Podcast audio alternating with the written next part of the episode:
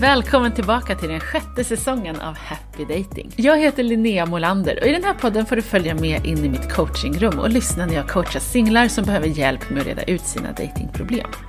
Och efter ett uppehåll är nu podden äntligen tillbaka och jag är så taggad på att återigen kliva in i coachingrummet och dela öppna, äkta, autentiska coachingsamtal med ännu fler fantastiska gäster.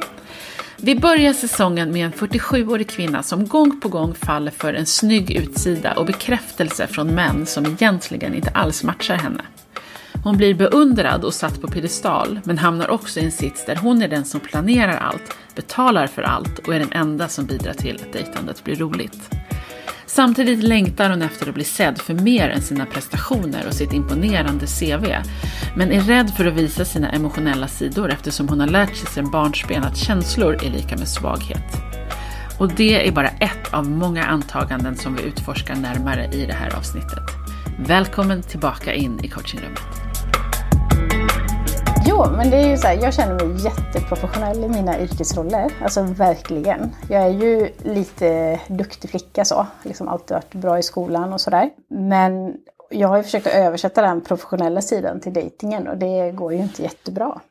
Ja, jag förstår det. Eh, och eh, ja, jag, alltså alla män jag träffar eh, tycker ju att jag, ja, de, de utläser mig som att jag är väldigt driven och stark, självsäker. Det är det de attraheras av. Och det är jag ju. Jag har ju den sidan också. Eh, men jag har också en väldigt eh, skör sida, en känslosam sida som jag i stort sett aldrig visar. Eller så. Utan de attraheras av den starka sidan. Och eh, till skillnad från mitt jobb då så tycker jag ju när jag ser ett mönster nu då att jag inte har dejtat personer i min liga, inom citationstecken. Liksom. Eh, det är ju, om jag tänker på ett jobb så skulle inte jag ta vilket jobb som helst. Eh, jag skulle inte nöja mig med vilken lön som helst. Men när det gäller män så hamnar jag lätt i det här att, eh, åh, gillar du mig? Ja, men då är du nog bra för mig. Och det gör att om det är män som ser väldigt bra ut så kan jag liksom falla tillbaka i mitt gamla jag när man var tonåring och tänka så här, jag fick inga snygga killar då, men nu så kan jag få jättesnygga killar. Och om personen är väldigt snygg, eller jag tycker att personen är snygg, så har jag också sett ett mönster i att då har jag överseende med en massa beteenden liksom. Där jag på något sätt bara glömmer bort alla mina så här alltså om jag har en kravlista, för det har jag ju om jag söker jobb eller i min profession. Jag har inga problem att ställa krav, att säga ifrån. Jag tar ingen liksom, skit i mina jobb. Eh, jag säger om jag tycker någonting är fel. Eh, jag säger vad jag behöver. Men när det gäller män så blir jag alltså helt omvänd. Och eh, jag blir så förtjust i att få uppmärksamhet. Och det är ju för att jag såklart inte har fått det. Vi har ju inte pratat om känslor när jag växte upp. Det har varit alltså, dysfunktionella mönster i familjen med många män som min mamma har haft. Eh, destruktiva förhållanden. Min mamma har försvunnit ibland i perioder. Och jag har väldigt många syskon. Så jag har ju aldrig blivit sedd. Mm. Så att när jag blir sedd och när jag får det från en person som jag och många andra tycker är attraktiva så blir jag som ett barn. Liksom, att, Åh, tycker du om mig? Då får du bete dig hur som helst mot mig då. Mm. Eh, och eh, jag tror ju också att en del av problemet ligger hos mig har jag insett när jag lyssnar på din, eh, din avsnitt i podden. Eh, och jag har förstått att jag har nog inte heller varit emotionellt tillgänglig. Jag har ju tänkt så här, men jag dras ju till otillgängliga personer som inte kan eh, ställa djupare frågor. Men jag tror också att jag är väldigt svår att komma in på livet. Ja, det var ju första du sa där, att din emotionella sida får ingen se. Nej. Nej. Och jag har också fått feedback från män, flera gånger faktiskt, på, mm. eh, vid en första dejt. Att jag har ingen aning om vad jag har dig. Mm. Och då kan jag känna så här att jag tycker om den här personen jättemycket, tycker han ser bra ut, han är trevlig och så. Men jag förstår också att jag går in typ i min yrkesroll och så blir jag jättetrevlig. För jag, ja, liksom. Jag är jättelätt för att vara proffstrevlig. Alltså, mm. Jag kan ju gå in och mm, alltså, i mina yrkesroller och säga ja men hej och välkomna och så mm. få alla att känna sig bekväma. och jag är väldigt inkännande. Så jag tror också att jag har en viss del i anpassning såklart. Därför att jag har vuxit upp så. Eh, att aldrig veta i vilken stämning mina föräldrar var i. Liksom. Mm. Eh, och då, då, jag är ju expert på att känna in och känna av. Och det är också så jag nyttjar min kunskap i mina yrken idag. Ja. Eh, och sen har jag också sett att jag har problem med att eh, jag hamnar lätt i en roll där jag tar hand om männen också då. Så att jag blir inte en likställd partner och det har ju säkert att göra med att jag inte dejtar personer på samma nivå. Vi kan ju prata olika nivåer men det kan vara emotionellt, det kan vara utbildningsmässigt, inkomstmässigt och då blir jag ofta den som tjänar mest pengar. Eh, Jag, eh, det gör jag alltid.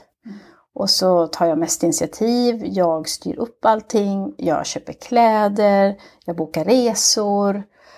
Och då inser jag att jag blir ju inte en partner där utan jag blir ju faktiskt coach slash mamma slash eh, vårdare slash soc-arbetare.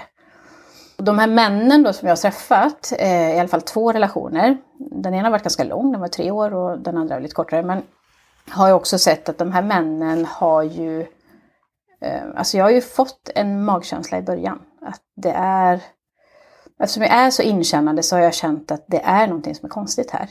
Det har funnits varningsflaggor från början men jag har ju valt att ignorera dem då. För det har också funnits bra saker såklart. Och om jag hade gått på min magkänsla och avbrutit då, vilket jag önskar att jag hade kunnat, så hade jag kanske inte hamnat i de situationerna. Men jag har blivit så betuttad liksom. I, kär i kärleken, kär i utseendet, ja, det massa saker. Så att jag har valt att ignorera de röda flaggorna liksom helt. Och efter ett tag så, jag tycker att jag är väldigt bra på att läsa av människor, eller känna in rättare sagt. Så att jag har ju läst av de här personerna och det har ju kommit fram en massa saker. Lögner, problem, eh, ofta ekonomiska problem hos de här männen. Och det har man ju inte kunnat se från början, för de har ju sett väldigt snygga och prydliga ut. Och det har gått så långt i en relation att jag själv blev den som sökte hjälp. Eh, eller psykologisk hjälp. För jag trodde att det var jag som var problemet. Jag har inte betalt liksom, i att jag har löst någons skulder eller liksom, så långt har det inte gått. Men det är klart att det är jag som har betalt eh, omkostnader, resor, allt. Och jag har ju synat de här männen och när jag har synat dem och kommit på allting, när man tröttnar, när liksom förälskelsen lägger sig, så har ju de eh, inte velat vara kvar. Nej. Och jag har ju då märkt att jag uppenbarligen får någon slags kick i den här superpassionen som jag har upplevt. Alltså, jag har ju upplevt jättemycket passion liksom, och kärlek och eh, det är krasch och bang i början ofta. Jag har aldrig varit med om att attraktion växer fram. För jag har varit på flera dejter där jag har känt att det här verkar vara en snäll och trevlig människa. Men det händer inget i mig. Och jag har också gett det andra och tredje dejter men det, kom, det kommer inget liksom. Och jag tycker nu att jag har kommit en bit på väg. Dels för att jag har tagit hjälp. Och jag tycker att jag har blivit mycket, mycket mer selektiv. I att jag tar bort personer som inte ställer frågor. Visar man liksom inte intresse så tänker jag inte längre att det inte beror på mig utan snarare det här är inte good enough för mig. Eh, jag förtjänar mer. Och det lustiga var att i helgen så var vi ute på 40 plus evenemang i staden där jag bor.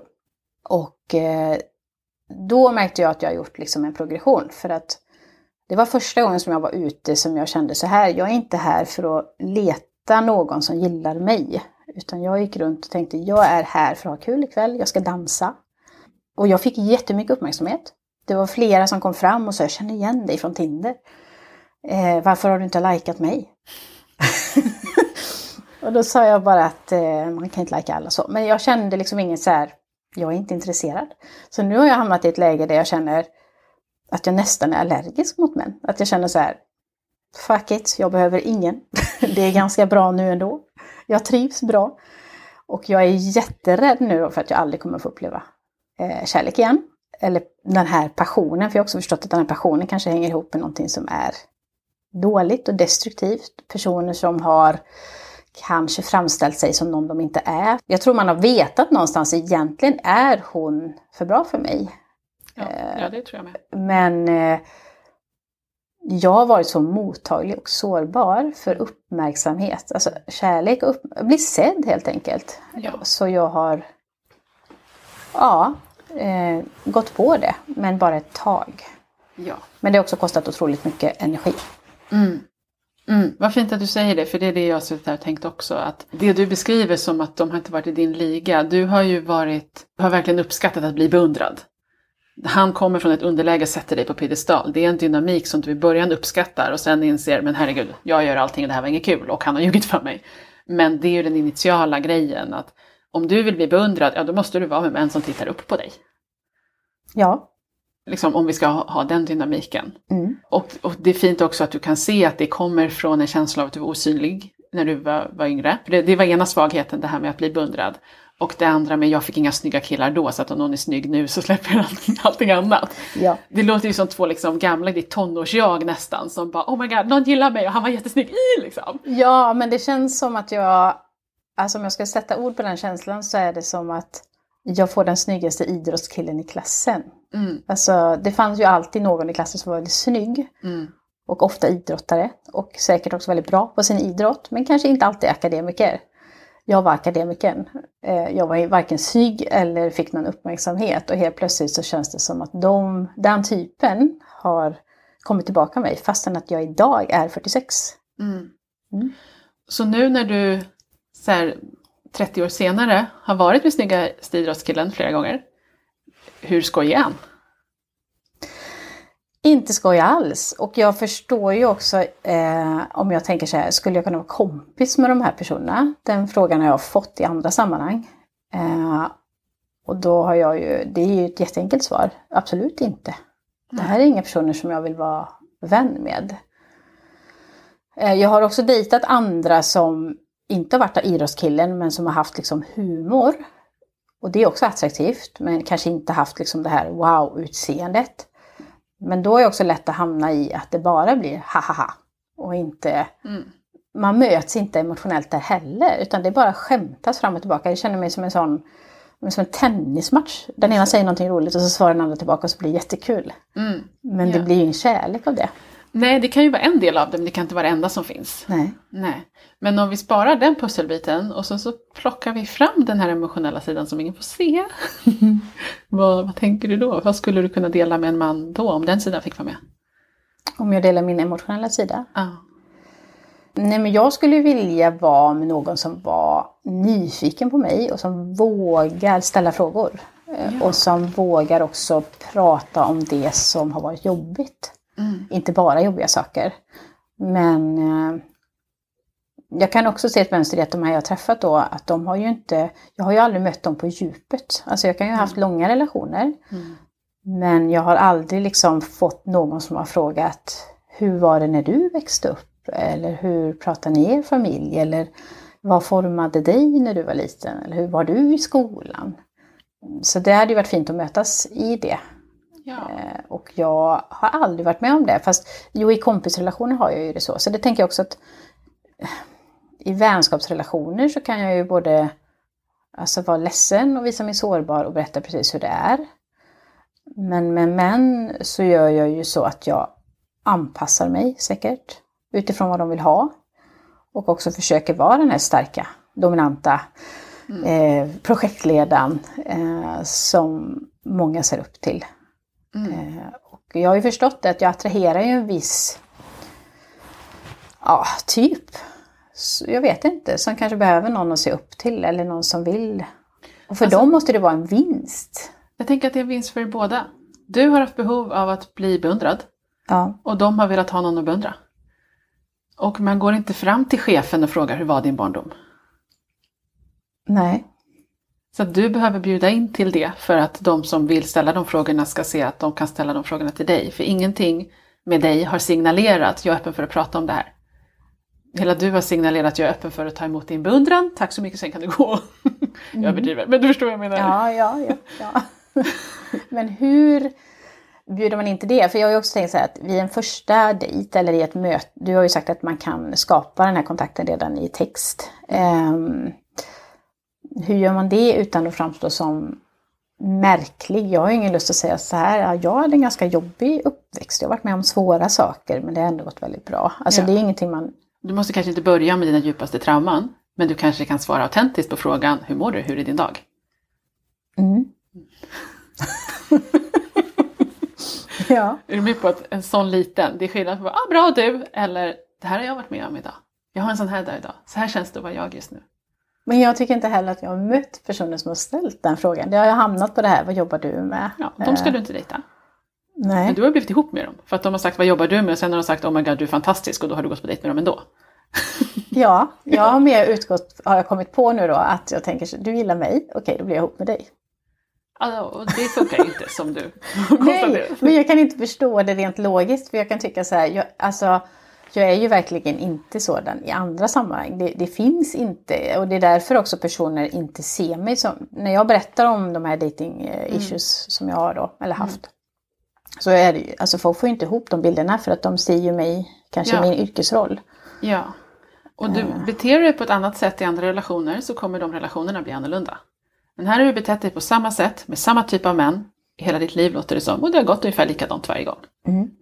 Men ändrar vi på hur det, hur det går till så kommer du attrahera en annan typ av människor och det kommer kännas helt annorlunda.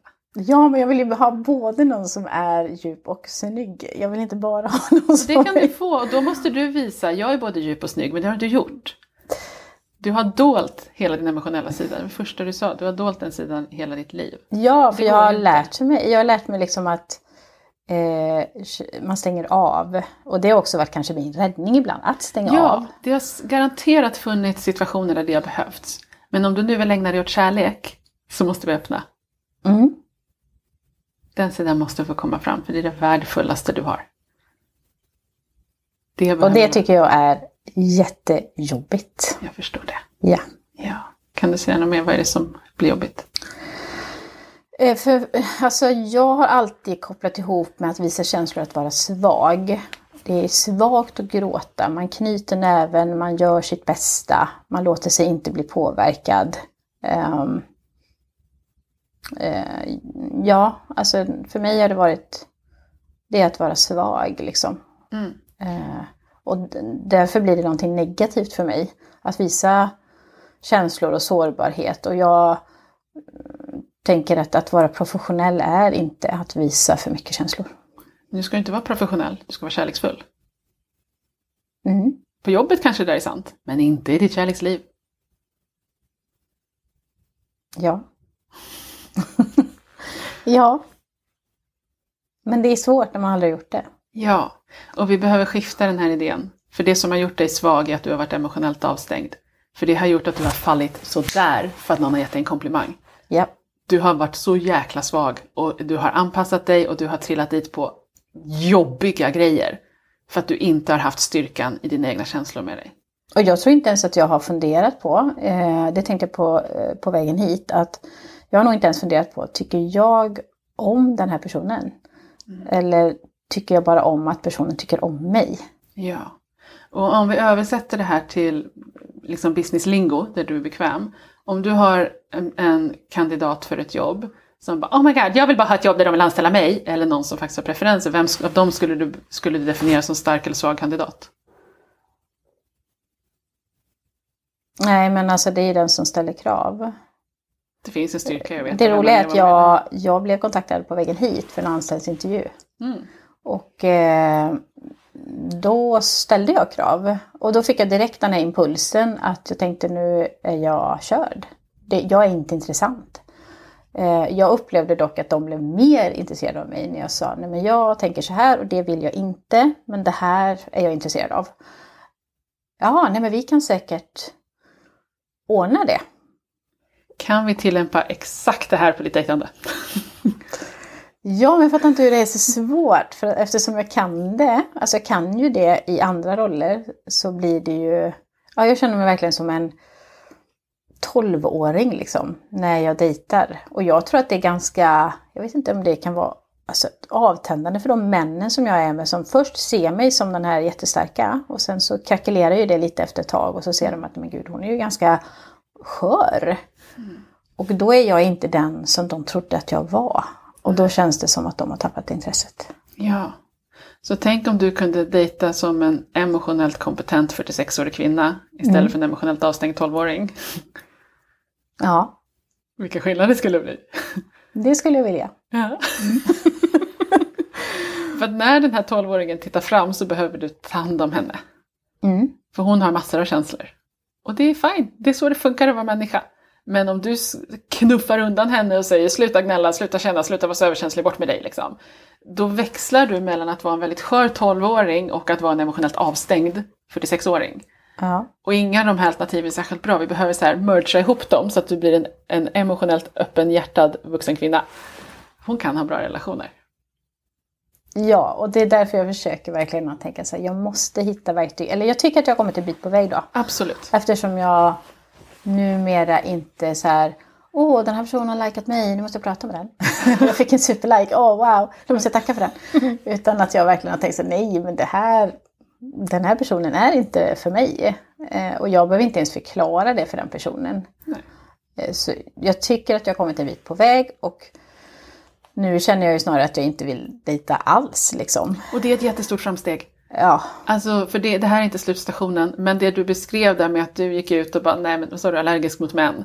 Ja, jag, du- jag känner mig som att jag har ätit för mycket tårta. Och Ja. nu kommer någon med en ny tårta och jag bara, nej men ta bort den tårtan. Så känner jag. Så tänker jag Ja. så, men gud, tänk om jag aldrig får tillbaka den här lusten att vilja dejta igen. För jag har ju dejtat ganska mycket. Och det tror jag inte är vad som händer. Det som jag tror händer är att du inte längre har en allergisk tvångsreaktion på bekräftelse som du haft innan. Det är som en alkoholist som inte vill dricka mer. Det är jättestort. Mm. Och vi behöver ersätta det med något bättre så att du ändå får känna passion och driv och kärlek och attraktion. Men inte på det sättet. Så just nu står du i mittemellanläget där du inte längre är liksom tvångsmässigt dragen till det gamla dysfunktionella. Och nästa steg är att hitta mycket bättre sätt att få uppleva de sakerna. Ja, för jag tycker att jag har rensat i mitt liv väldigt mycket. Nu pratar jag inte män utan även bland familjemedlemmar, vänner. Och tänkt att nej, det spelar ingen roll om det här är en familjemedlem. Jag vill inte ha för mycket kontakt med den här personen för det tar för mycket energi och jag mår dåligt av de mönstren. Så då kan jag bestämma själv hur jag vill ha det och jag vill inte ha den relationen. Så jag, jag tycker att jag har kommit en bit på väg. Ehm, så jag hoppas ju verkligen att jag kommer att få tillbaka den lusten att vilja träffa någon. Men jag känner också att jag måste jobba på att visa att jag inte bara är den här stålkvinnan. För den attraherar ju en viss typ av män. Absolut. Ja. Jag känner ju att jag har blivit eh, uppvisad. Alltså att jag blivit eh, satt på en piedestal såklart. Men utomstående har jag också sett från ett annat perspektiv och sagt, vad ser du i honom? Han beundrar mig. Ja, Han är snygg, jag beundrar mig. Det, det har ju varit svaret, men det kanske du inte kan säga till dina coola kompisar som är vana vid att du ställer högre krav. Nej men sen har man ju så gärna velat ha en relation liksom. Eller vara lycklig liksom. Eh, Ja, ja, så att då är man... Men jag, jag har varit, eller är nog en jättesucker för bekräftelse förutom i, i den här helgen då. När jag kände att nu har det hänt någonting. Jag är inte... Jag var mer på dansgolvet än att jag sökte upp och kollade så här, hur många är det som kollar på mig. Och, eh, jag blir så glad jag, bara, så här, jag struntar i hur jag ser ut nu. Jag bara dansar för att det är kul och jag trivs här. Och det lustiga var ju att jag kände att jag alltså nästan fick mer uppmärksamhet utan att jag sökte uppmärksamhet. Yes. Eh, för jag, det låter fult, men jag sa till min väninna så sa jag så här, jag känner mig som en alfakvinna. För jag går runt här och sträcker på mig och bara säger jag kollar inte på någon, men de kommer fram till mig. Jag tror att det, man har en aura av något, att det känns Ja. som att det är attraktivt. Jag håller helt med om att det är otroligt mycket mer attraktivt att bara njuta av sitt liv än att gå runt och vara kåt på bekräftelse från vem som helst. Det är inte så hett. Nej. Nej. Och jag kan ju känna så om jag eh, swipar eller om jag ser någon ute så här att alltså om, om jag, jag kan ju se genom folks bilder att ibland känns bilderna väldigt bekräftelsesökande. Eh, och då blir jag också, alltså jag tycker inte det är attraktivt. Eh, när någon söker eller så här typ, se på mig, alltså.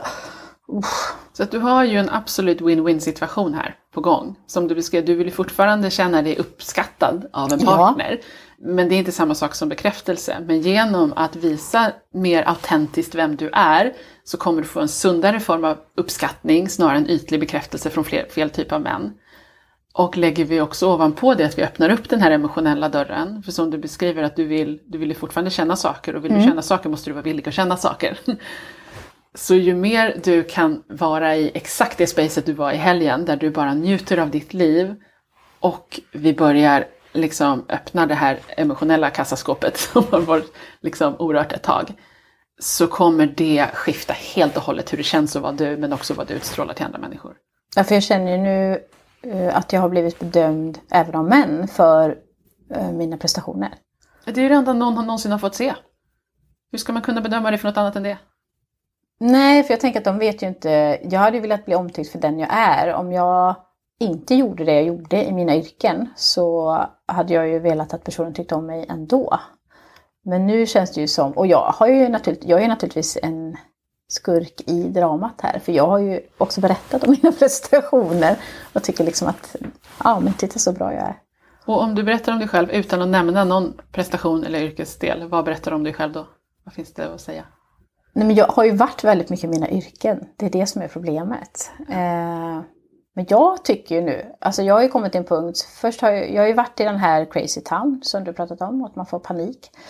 Eh, och jag har känt panik i att vara själv. Men nu har jag ju kommit så långt eh, så att jag känner att jag tycker om att vara med mig själv. Jag tycker att jag är en ganska härlig person. Ja, Alltså, Jag tycker att eh, personer blir glada av att vara med mig. Jag tycker att det är fantastiskt roligt. Jag älskar att åka till Liseberg och åka allt liksom. Eh, Jag älskar att upptäcka slott, jag älskar att resa, att styra min egen tid. Eh, Så jag tycker liksom att jag är en härlig person. Det låter som att du är rätt kul. Ja, eh, och du- många vill ju exempelvis resa med mig och det är inte för att jag behöver vara reseledaren utan det är för att det blir roligt när man är med mig. Mm. Därför att det händer mycket saker. Mm. Och det tror jag att män har uppskattat också i viss mån. Ja. Det räcker inte med att du är kul. Nej. Nej. Ja. De du umgås med måste kunna bidra med sitt skoj också. ja, och det har ju inte jag fått så mycket tillbaka av. Och det behöver du kolla upp. Är det här en person som kan bidra med skoj? Hur ska jag kolla det då? Hur har du märkt att de inte är roliga? Genom att de inte har något eget umgänge. Kanske har hållit på med någonting tidigare men inte har någon passion eller något intresse. Som människor utan vänner och hobbys. Ja, Då frågar du. Vad umgås du med för människor? Vad gör du på fritiden? ja och utan pengar och utbildning också. Ja, så inga pengar, inga utbildning, inga vänner, inga hobbys och inget driv. Nej, men det kan ändå ha varit personer som är extroverta och eh, ganska bra i sina jobb. Och utåtriktade, alltså kan prata. Mm. Och du behöver kolla vad mer som finns. Ja, för jag skulle ju vilja ha någon som verkligen har någon egen passion liksom. Jag Ja. har ju mina passioner och mina intressen och mina vänner. Men eh, jag känner ju då att jag har liksom stängt av mina vänner när jag har hamnat i de relationerna. För att, inser jag nu, lyfta den personens liv. För det är det jag gör i mina jobb. Jag lyfter ju andra och Mm. får dem att jobba på beteenden och sina liv. Ja, och det är en dealbreaker från och med nu. Du behöver vara med någon som redan har ett kul liv som fungerar. Allt Mm. annat går fet bort. Och då menar du att jag ska ställa frågor? Om hans liv, ja. Det kallas Ja, lära känna nej, men det, jag förstår det. Men alltså... Eh, Du Man- behöver fråga om sådana här saker och ta reda på hur hans omständigheter ser ut. Ja, och det känns ju väldigt enkelt. Och jag tror att jag inte har, eller jag, jag tänker på min senaste relation, att jag inte har gjort det. Så Utan jag har blivit imponerad av något litet liksom. Ja, och så har ja. man tänkt att wow, den här personen gjorde det förr. Och så har man försökt hitta gemensamma nämnare. Mm. Men, eh, och sen så har jag ju då stängt av mitt liv lite grann. Jag har slutat umgås med mina vänner. Jag har lagt all tid på den här personen. För att ha roligt tillsammans. Fast det är jag som har skapat det Det är ju roliga. inte roligt, precis. Det är ju inte roligt tillsammans. Han får åka med på ditt skoj. Ja, Ja, så har det varit. ja. så från och med nu så behöver man bidra med eget skoj för att få dejta dig. Mm. Det hade varit trevligt. Ja, för det, det låter ju som att det finns verkligen en, en livsglädje och lekfullhet och massa kul. Alltså bara det du beskrev, du dansar på dansgolvet. Ja. Det är inte alla 46-åringar som står där och genuint njuter av att dansa. Mm. Folk har så tråkigt liksom. Mm. Och du, går- det är inte så många vuxna som älskar att gå på Liseberg heller. Nej, jag höjer medelåldern varje gång. Men Ja, eh, ja, jag men åker allt. Det finns ju massor av glädje i dig. Mm. Och den kan du inte bara ge bort till folk som ser- helt saknar glädje. Utan du måste vara med andra så att ni båda kastar glädje på varandra. Men måste man gilla samma saker då? Nej, men något skoj måste han ju ha att bidra med. Mm. Och gärna något då som kompletterar ditt skoj så att ni inte... Men jag kan inte förstå att jag ens förbisett det. Jag har ju verkligen så här, alltså om jag tänk, det är ju som att anställa en person som bara, vill du ha det jobbet, du får det, du behöver inga meriter whatsoever, du får jobbet. Exakt. Så hade jag ju aldrig gjort. Nej. Och det har ju kostat liksom, mycket energi och mycket att må dåligt liksom. Eftersom Ja. det också är jobbigt att bli eh, lämnad eller avvisad eller vad Ja, det är. men det är också alltså, tråkigt och dränerande att vara lekledare åt folk.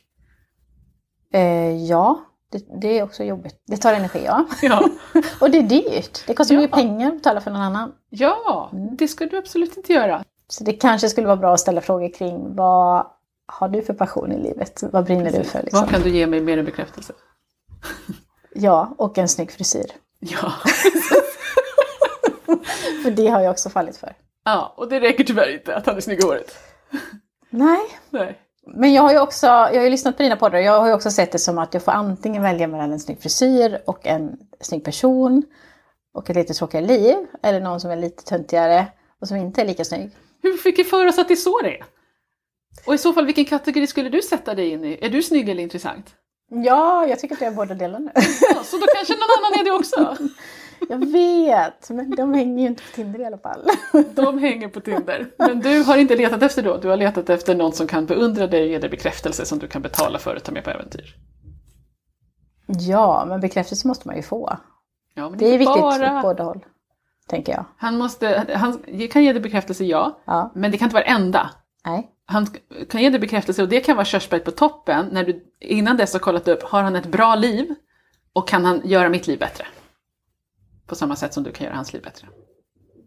Mm. Därefter kan du ställa frågan, beundrar han mig? Ja. Men det är lättare att beundra dig på sunda sätt när man får se mer av dig.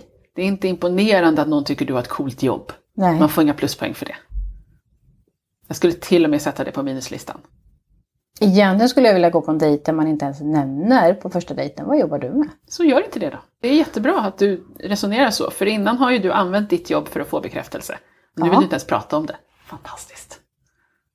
Ja, Och det kan du säga, åh, kan inte vi prova att lära känna varandra utan att prata jobb? Så berätta mer om allt annat om dig själv och ditt liv än vad du jobbar med. Du behöver inte ens så här, du kan plocka bort jobb från bordet tillfälligt. Men ju mer du pratar om annat, desto mindre utrymme kommer du ha att prata om jobb. det är ett bra tips. Ja. För det är ju väldigt nytt nu det här att jag inte söker ständig bekräftelse. Det är ju någonting helt... Någonting har ju hänt där. Ja. Eh, och det är därför jag tror att jag har kommit en bit på väg liksom. Mm. Men jag är, inte, jag är inte framme än för att jag, jag faller ju fortfarande för otillgängliga, snygga yngre män. ja. Fram tills i helgen i alla fall. Ja, nej men det var, Vet inte hur det var inga yngre där, det var 40 Nej, plus. Ja. Men eh, nej, jag var inte, nej. Det, det fanns inte i tanken att jag var där för att träffa någon. Utan jag var där med en väninna och vi skulle ha kul. Och vi var där för att liksom dansa loss. Mm. Och det är också nytt för mig för att jag är inte heller en person som liksom kanske har dansat loss innan. Jag har tyckt så här att "Ja, det är inte så pro. Det är inte så pro att stå där och dansa. Nej, Du kanske inte måste vara så professionell på Nej, jag fritiden. vet. Och så tänker jag att jag borde släppa lite på det. För jag menar, det är inte så att jag tänker när jag åker en attraktion på Liseberg att nu måste jag vara pro. Nu ska jag inte, åka som en VD i den här nu får jag inte skrika här i Nej. den här. För det kommer någon tycka är konstigt. Utan då, det släpper jag. Och det är liksom... Det finns ju några sådana saker där det verkligen blir barnslig. Liksom. Jag älskar ju att, att spela grejer, att tävla. Ja. Och då blir jag ju som ett barn liksom. Ja. Och då tänker jag så här, det sitter ju inte i åldern, jag måste hitta någon som är likadan. Jag måste hitta Ja. någon som också gillar... Jag kan inte dejta någon som kommer skriva, jag kan inte åka något på Liseberg. Din lekfullhet är en fantastisk resurs. Ja, jag tror det. Och jag vet att jag har liksom en förmåga som smittar, som gör Ja. folk glada. Det är så mycket mer intressant att dela din lekfullhet än din proffsighet. Ja, men ändå så hamnar jag ofta i, i det här att de, många sa att jag har... Det är svårt att veta vad du tycker. För då kan man ha sagt så här efteråt, ska vi ses igen? Och bara det att man ska tänka sig fram till det svaret. Du ska inte tänka, du ska känna. Ja, men då är det oftast fel när jag tänker mig fram. Du vet, så här, Precis. så, jaha, kan då ska man lägga ihop plus och minus. Kan, det är inte en ekvation. Nej, Dina utan det, det ska ju vara, det ska ju kännas så här, wow, jag vill känna, eller Hade träffa vi kul, vill jag träffa henne, blir jag glad av att tänka tanken, eller ja, leka med tanken på att träffa honom igen. Det är det enda du behöver veta. Ja, och då har jag ibland fattat fel beslut. Ja. Och tänkt så här, ja men vi eh, kan ses igen. Fast det du känns vilken inte. styrka det blir att ha tillgång till dina känslor? För då har de sagt att de vet inte om jag har varit intresserad. Och jag tycker att jag har varit jätteglad och trevlig. Du har inte vetat om du är intresserad. Nej, Nej. det har jag inte heller. Nej. Nej, men hur ska jag veta det? Du börjar känna efter. Och det är därför du börjar öva innan du går på dejt. Du börjar lägga märke till hur saker känns för dig i ditt liv. Det finns en övning kring det här i min bok och i emotionell kontaktkursen. Men kort sagt, lägg märke till dina känslor, dina fysiska förnimmelser i kroppen och dina känslor. Dagligen. Hur känns den här lunchen för mig? Hur känns det här rummet för mig? Hur känns det, här mötet för mig? Hur, hur känns de här plaggen för mig? Och så gör jag i mina jobb. Se där. Där kan jag säga liksom, det här känns inte bra. Mhm. Vi får ändra på det här. Eller det känns inte bra när du säger så här. Du ser, du kan ju redan det här. Absolut. Ja, Men behöver- det är en yrkesroll. Och kan du se vad inkompetent du skulle vara om du inte kände efter på jobbet? Absolut. Ja, och det är så inkompetent du är när du dejtar. För att du har kapat av det värdefullaste du har hos dig själv. Ja. Känslor är inte svaghet, känslor är styrka. Och helt jäkla nödvändigt. Mm. Varför verkar allt så enkelt? Om man bara kunde tillämpa logik. Eh, Men jag har nog inte alltid känt efter utan jag har nog tänkt så här, wow! Så mycket fina saker han skriver eller säger. Det blir Jaha. nog bra det här. Jag tänker ofta att det är min osäkra sida som kommer fram, alltså min, mitt tonårs-jag. Liksom. Det, det är hon som dejtar. Och hon kan inte få ta besluten i ditt kärleksliv. När hon kommer fram så får du prata med henne eh, tills hon lugnar sig. Och sen så måste ditt vuxna jag ta besluten. Ja. För jag skulle, det är inte ditt, ditt eh, professionella jag, det är ditt vuxna jag. Du tar jättekloka beslut på jobbet när du är vuxen och emotionellt inkännande. Mm. Och det är en styrka att vara inkännande. Ja. Och eh, jag tror ju att jag, hade jag bara lyssnat inåt liksom och tänkt efter när jag, så hade jag haft rätt kring alla de här. För jag har känt saker redan från början, märkliga saker. Men jag har helt, det är som att det blir helt bortblåst när jag blir attraherad av personen och får uppmärksamhet.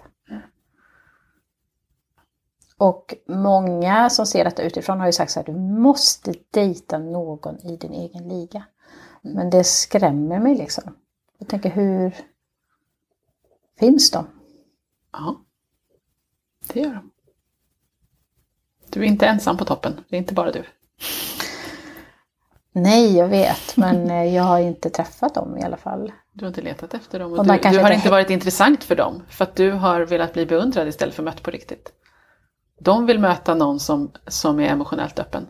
Som kan dela något på djupet. De är inte intresserade av att bara kasta bekräftelse på någon kvinna som är emotionellt avstängd. Det är inte kul för dem. Nej. Så du menar att de finns även på Tinder? Det är många insikter. Ja, bra. bra. Mer glädje och alltså, det, det är lite det tar emot lite att säga att du måste öva upp din förmåga att känna. För på ett sätt så kan du redan exakt det superväl. Mm. Du vet precis hur man gör. Men du får öva lite på att göra det. Jag kan nog känna, men jag har valt att inte lyssna på de känslorna. Mm, det är dags att börja lyssna. Egentligen är det väldigt enkelt. De delar av dig som du visar upp för andra människor, det är de delar av dig som andra människor kommer se. Och det du håller tillbaka kommer de inte se. Rätt logiskt ändå, eller hur? Vissa har för vana att sätta sina prestationer främst när de möter nya människor. Andra leder med sin sexualitet eller med sin förmåga att lyssna och ta hand om andra människor. Och det finns inget objektivt rätt eller fel med någonting av det här. Men det uppstår problem när vi inte är medvetna om vad vi utstrålar och när vi håller tillbaka viktiga sidor av oss själva. Det kommer speglas exakt i vilken dynamik som uppstår i ditt dejtande och vilken typ av personer som du kommer attrahera och själv dras till. Det fina är att det här absolut går att förändra. Dras du återkommande till en viss typ av personer som det aldrig fungerar med, då behöver du först och främst ta reda på hur det kommer sig att du finner dem så oerhört lockande trots alla negativa konsekvenser. Och ofta är det precis som för veckans gäst, någonting från vårt förflutna som ligger kvar och spökar. Ibland överkompenserar vi för saker som vi aldrig fick vara med om i tonåren, eller återupprepar mönster som vi lärde oss under vår uppväxt, även om det inte är sunt eller lämpligt eller ens fungerar särskilt bra. Genom att bryta gamla mönster och sakta men säkert börja lyfta fram de där sidorna av dig själv som du har hållit tillbaka så kan du skapa helt nya upplevelser i ditt dejtande. Känner du igen dig i det här med att dras väldigt starkt till en viss typ av personer som det aldrig funkar med, men som du har svårt att släppa taget om på egen hand? Då rekommenderar jag varmt att du tar en titt på Happy Datings onlinekurs Red Flag Detox. Jag har skapat den kursen som en lösning på den här klassiska problematiken med att bara dras till fel typ av personer och inte bli attraherad av lämpligare människor. För det här går absolut att lösa utan att kompromissa. Du kan få det bästa från båda världarna. Men då måste du lära dig både att släppa taget om vissa saker och att skapa det du vill ha på bättre sätt. Du hittar kursen på happydating.se redflagdetox. Om du också har fått med dig hemifrån att känslor är lika med svaghet och någonting du måste hålla tillbaka i alla lägen, då är det så viktigt att du börjar reflektera över om det verkligen stämmer. Eller om du också har datingproblem på grund av att du försöker hitta kärlek utan att ha dina känslor med på den resan. I nästa veckas avsnitt kommer vi prata om vad som händer när dejtandet blir skevt åt andra hållet och bara består av emotionellt djup på bekostnad av de andra saker som också behövs för att skapa en bra balans. Vi hörs igen då och tills dess ses vi på Happy Datings Instagramkonto happydating.se.